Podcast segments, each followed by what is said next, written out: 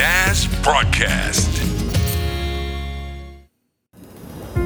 في زمن غابت فيه حرية التعبير وباتت الأفواه مكتومة وغابت عنا الحقائق ولم نصل لأيتها معلومة.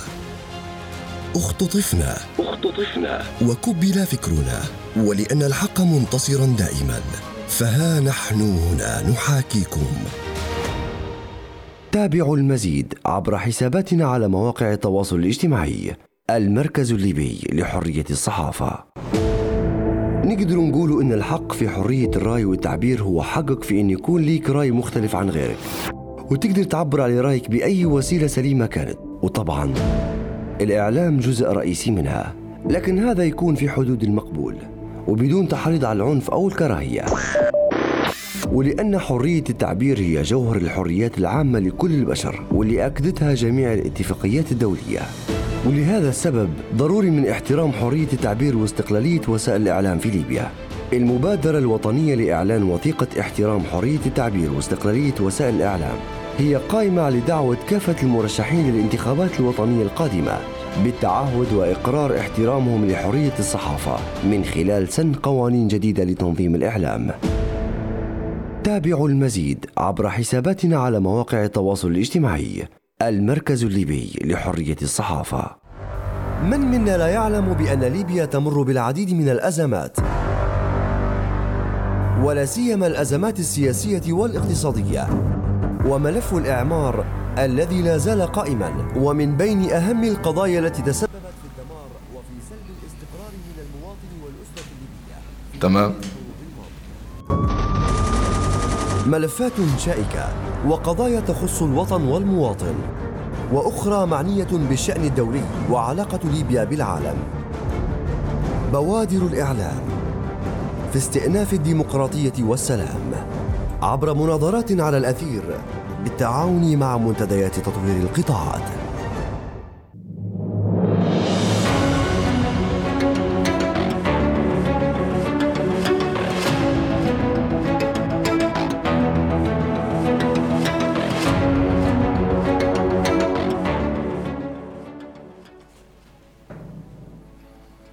السلام عليكم ورحمة الله تعالى وبركاته. مشاهدينا الكرام مستمعين الأعزاء أينما كنتم أرحب بكم في برنامج مناظرات عبر الأثير. هذا البرنامج الذي يأتيكم بتقديمي أنا بشير بن شعبان وبتنظيم منظمة مناظرات ليبيا بالشراكة مع قناة راديو الناس. يهدف برنامجنا إلى توعية الناخب ومساعدته في اختيار المرشح المناسب بالنسبة له في الانتخابات الرئاسية.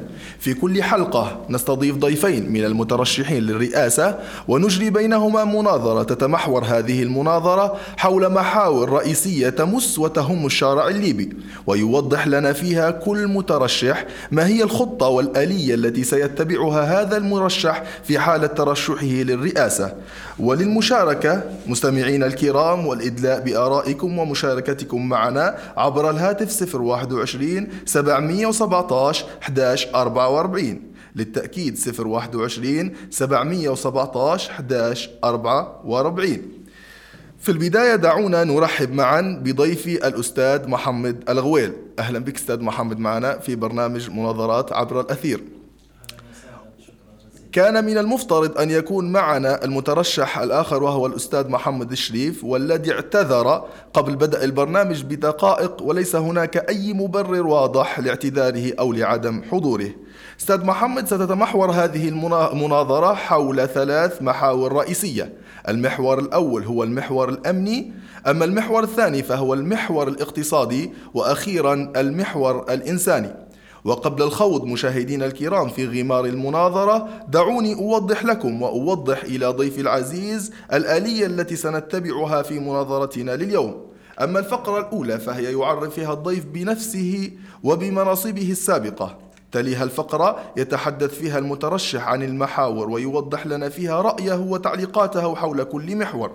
أما الفقرة التي تليها يطرح فيها مجموعة من الأسئلة على المترشح. وله حرية الإجابة في على الأسئلة المطروحة له. دعنا نبدأ معك أستاذ محمد الغويل المحور الأمني. تكتلات عسكرية وميليشيات مسلحة تنطوي تحت مؤسسات الدولة فقط على الورق تربك المشهد الأمني في أغلب مدننا. سيد لغويل ما هي الخطة التي التي يجب أن يتبعها مسؤولي الدولة لجعل هذه التشكلات فعليا تحت أوامر الدولة؟ وماذا يجب أن يحتوي برنامج رئيس الدولة لضبط هؤلاء؟ شكرا جزيلا على هذه الفرصة. أولا أنا محمد خالد عبد الله الغويل آه، مواليد 7 سبتمبر 65 زي ما طلبت تقديم نفسي أولا. نعم. آه، عملت منذ 1 نوفمبر 1985 حتى 1 نوفمبر 2011 لمدة 26 سنة منذ تخرجي آه، في سنة 85 من كلية الهندسة بجامعة طرابلس آه، قسم الهندسة المدنية واللي آه، تحصلت على شهادة الماجستير بعد ذلك من نفس الكلية ومن نفس الجامعة في سنة 91 عملت كمهندس مبتدئ في إدارة الاستثمار في شركة ليبيا للتأمين في سنة 85 ثم آه، تدرجت في العمل إلى أن وصلت آه، كلفت في نهاية التسعينات في سنة 98 بتأسيس الشركة العامة للمياه والصرف الصحي. واستمريت كرئيس للجنة إدارتها حتى آه، شهر أكتوبر 2003 ثم كلفت كاتب عام مساعد أو وكيل وزارة مساعد للشؤون الفنية في وزارة التخطيط في نهاية 2004 ثم آه، وكيلا لوزارة التخطيط منذ نهاية 2005 حتى شهر مارس 2010 نعم. آه، بعد ذلك كلفت بتأسيس هيئة المشروعات العامة ثم تقاعدت في 1 نوفمبر 2011 منذ 2011 إلى الآن أعمل في عمل خاص كاستشاري خاص. هذا تقديم نعم. عام عن 36 سنة عمل آه، بالنسبة لي. ننتقل الآن إلى المحور الأمني. بالنسبة في ملاحظة قبل أن ننتقله طبعا زي ما حضرتك تعرف بأن زي ما حضرتك تعرف بأن قانون الانتخابات يمنع الحديث حول البرامج الانتخابية ويمنع الدعاية الانتخابية قبل إذن المفوضية بذلك. وبالتالي إحنا بنحاول نخلو هذا الحوار بعيدا عن الانتخابات والبرنامج نعم. الانتخابي لكن خلوه في الشأن العام بشكل عام ليهم كل الليبيين النقطة التي تفضلت بها حضرتك هي في سياق أكبر من ذلك. إحنا في ليبيا في حالة عدم استقرار منذ سنوات. السبب عدم الاستقرار يجب معالجة الأسباب وليس فقط التركيز على الأعراض في أعراض كثيرة نعم. لحالة عدم الاستقرار لكن هناك أسباب عميقة ورئيسية هذه اللي يجب نركز عليها لأن لو ما حليناهاش الأعراض ستستمر وتتفاقم نعم. السبب الرئيسي الأول بأن إحنا الليبيين لم نتفق بعد على أننا سنعيش معا بسلام وهو ما يعرف بالميثاق الوطني وإلا أسس العيش السلمي المشترك. هذا ينبغي حان الوقت. إحنا لنا سبعين سنة منذ الاستقلال آه، لكن ما فيش أي حوار مجتمعي ما بين الليبيين آه، لميثاق وطني للعيش السلمي المشترك. إحنا آه، قد يكون لدينا اختلافات فيما بيننا لكن لا يجب أن تتحول إلى خلافات. مثلا هناك أعراق مختلفة. مثلا فيه العرب والأمازيغ والتوارق والتبو والكراغلة والشركس والجريتلية وما إلى ذلك. وبالتالي هذا التنوع مهم في أي مجتمع ونقطة قوة وليس نقطة ضعف. لكن هذا التنوع يجب أن نعترف به وأن يكون تحت إطار المواطنة الليبية الموحدة المشتركة التي توحد كل الليبيين التي تعترف وتفتخر بكل الإرث الحضاري الثقافي الاجتماعي لكل هذه المكونات. حينها يصبح في أساس للمواطنة الليبية. واعتراف متبادل بأن إحنا مواطنين متساويين في الحقوق وفي الواجبات. وما فيش تفاوت ما بين في حق المواطنة لا على أساس عرقي ولا على أساس على أسس أخرى. أساس الغالب والمغلوب وما إلى ذلك هذه كلها يجب إبعادها. نعم. وبالتالي لابد من الاتفاق على ميثاق للعيش السلمي المشترك يعرف المواطنة ويحددها بالتساوي ما بين الناس ما بين كل المواطنين الليبيين وأيضا يعبر عن الأسس المشتركة لعيشنا في وطن واحد ونبنوا معا مستقبل واحد آه، اللي يحترم الجميع ويبنى بالجميع. هذه الوثيقة أساسية وغايبة في منذ تأسيس هذه الدولة وبالتالي هذه جزء من هشاشة الوضع في الحالة الليبية خاصة في حالتها المؤسساتية. الجزء الآخر اللي مسبب توتر عالي هو نموذج إدارة عوائد النفط. إحنا اتبعنا نموذج لإدارة الأموال العامة منذ سنة 63 منذ تصدير النفط. هذا النموذج اعتمد مركزية الدولة ورسخ الدولة المركزية ورسخ فكرة أن الدولة ترعى وتضمن للمواطنين كل شيء. وهذا رسخ فكرة الدولة الريعية وثقافة الريع. وهذه الثقافة سلبية لأن تحول المواطن عبر الزمن من خانة قيادة الفعل إلى خانة ردود الأفعال وإلى خانة بأن ينتظر الحكومة شب تعطيه. لكن مش هو شم بيعطي لنفسه ولا شم بيقدم لنفسه. هذا طبعا أيضا أدى إلى هيمنة الدولة على المواطنين لأن في الأنظمة الديمقراطية التدفقات النقدية من الناس إلى الحكومة عبر الضرائب يعني الناس من فائض نشاطها تعطي في فائض النشاط عبر ضريبة للحكومة وأموال الحكومة هي جاية من من الضرائب نعم. وبالتالي النظام الديمقراطي مبني على أن الملكية المال هي أساس للمحاسبة.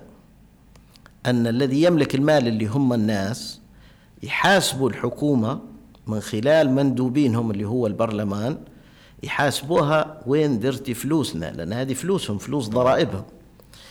لكن في الأنظمة الريعية هي في الواقع لا تنتج نظام ديمقراطي لأن التدفقات النقدية من الحكومة إلى الناس مش من الناس نعم. إلى الحكومة. وبالتالي تصبح اللي يعطي المال ما يسألش من اللي ياخذ. اللي يعطي صاحب المال هو اللي يسأل. وبالتالي لما يركبوا في النظام الديمقراطي على نظام اقتصادي ريعي ما يشتغلش. يشتغل بطريقة عكسية. لأن يتحول فيه ممثلين الشعب بدلا من الدفاع عن حقوق الشعب. نعم. يولي يبتز في السلطة للحصول على منافع فردية ولا لمجموعات وليس لتقويم وإصلاح النظام. فتصبح المساءلة بدلا من إصلاح النظام وتطويره تصبح للحصول على منافع فردية أو منافع خاصة ولا شلليه ولا فئوية. هذه خطورة كبيرة يجب الانتباه إليها إذا أردنا فعلا أن إحنا نبو نمشوا لتكوين نظام ديمقراطي. النظام الديمقراطي راهو يوقف على قدمين. واحدة متعلقة بثقافة الحوار واحترام الآخر والإيمان أننا مواطنون متساوون واختلافاتنا نحلها بالحوار السلمي وليس بالأعمال المسلحة. والقدم الأخرى اللي هي اقتصاد الاقتصاد الريعي لا يحقق آه، النظام الديمقراطي نعم. وبالتالي لابد من تغيير الاقتصاد ولابد من الدفع بالمبادرة الفردية الخاصة والقطاع الخاص وأن يتغير دور الدولة إلى تنظيم لمصلحة الناس وإلى الحماية الاجتماعية وشبكة الأمان الاجتماعي للفئات الضعيفة أو ما يسمى بالفئات الهشة. وهل من السهل تطبيق هذا الأمر على أرض الواقع في رأيكم؟ ما فيش حاجة سهلة. كل شيء يتطلب مع وجود الفوضى وعدم الاستقرار. كل شيء له بداية ويتطلب عمل وطريق. ما فيش حاجة بت- بتجي مرة واحدة. ال- التراكم التراكم هو أساس بناء الدولة وتحقيق التنمية. بدون تراكم لا يحدث شيء. التراكم شنو يعني؟ بأن إحنا نحدوا اتجاه ويصبح كل ما نقطع مسافة هي في نفس الاتجاه. على سبيل المثال أنا نبي نمشي لبنغازي. ما يمكنش ناخذ طريق سبها ونعتقد بأننا بنمشي لبنغازي. تمام. وبالتالي لابد نحدد نقطة الهدف ولازم نبدو في المسار. المسار على حسب الأدوات المتاحة. لو بنمشي على رجلية بياخد مني سنوات. لو بنمشي بدراجة بياخد مني ممكن أشهر. لو بنمشي على موتو ممكن ياخد مني آه، أسابيع. لو بنمشي بسيارة ممكن بياخد مني يوم. لو بنمشي بطيارة بياخد مني ساعة. إذا تصبح القصة في الوسائل والأدوات وليس في الهدف. نعم. إحنا رقم واحد في ليبيا لازم نحدوا رؤية مشتركة للمستقبل المشترك ونحدوا مسار لذلك ال- المشوار. لما حضرتك تطلع من الصبح من البيت وتبي تمشي لنقطة معينة لما تفتح الجوجل هو يحدد لك أنت وين؟ نعم. وأنت تحدد له وين بتمشي ويرسم لك الطريق. أنت وين؟ هذا أنت لازم تقيم وضعك السياسي الاقتصادي الاجتماعي الثقافي الأمني وتعرف أنت وين وشنو وزنك في الإقليم اللي أنت فسطه وشنو وزنك في هذا العالم. هذا أنت وين؟ وين بتمشي؟ هذه هي الرؤية. الأهداف. الرؤية البعيدة. إحنا بعد عشرين سنة شنو نبو ليبيا؟ لازم نتفق على وصف مشترك بعد عشرين ثلاثين أربعين سنة ليبيا هذه اللي نحلموا بها شنو يكون شكلها؟ لو يوقفوك أنت اليوم يقولوا لك تخيل روحك بعد أربعين سنة وتوصف في حال ليبيا. شنو بتوصفها؟ في جملة هذاك الوصف هو رؤيتك بعد أربعين سنة. وهذه لما تحطها قدامك تقعد تبي تحاول تجد الطرق للوصول إليها. نعم. الطريق هذا هو الخطة والبرنامج والمشروع وما إلى ذلك. هو الطريق اللي بيرسمه لك الجوجل اللي هو يبدأ يشوف في البدائل الطريق هذه فيها زحمة لا خذ الطريق هذه توصل من هنا قبل توصل من كذا. وبالتالي نفس القصة في تحديد البرنامج والخطة. إذا إحنا محتاجين في ليبيا إلى ميثاق ومحتاجين إلى رؤية مشتركة لكل الليبيين وملامح الطريق ملامح البرنامج نتفق عليه ومحتاجين إلى وثيقة ثالثة إذا أردنا بناء دولة وهي أن الأطراف الصراع عندها مخاوف من بعضها. نعم. وبالتالي فيه انعدام ثقة ما بين كل الأطراف. هذه إشكالية كبيرة لأنك لا تستطيع بناء دولة وفي حالة من انعدام كامل للثقة. ما. الآن إحنا عندنا ثقافة متجذرة هي المغالبة.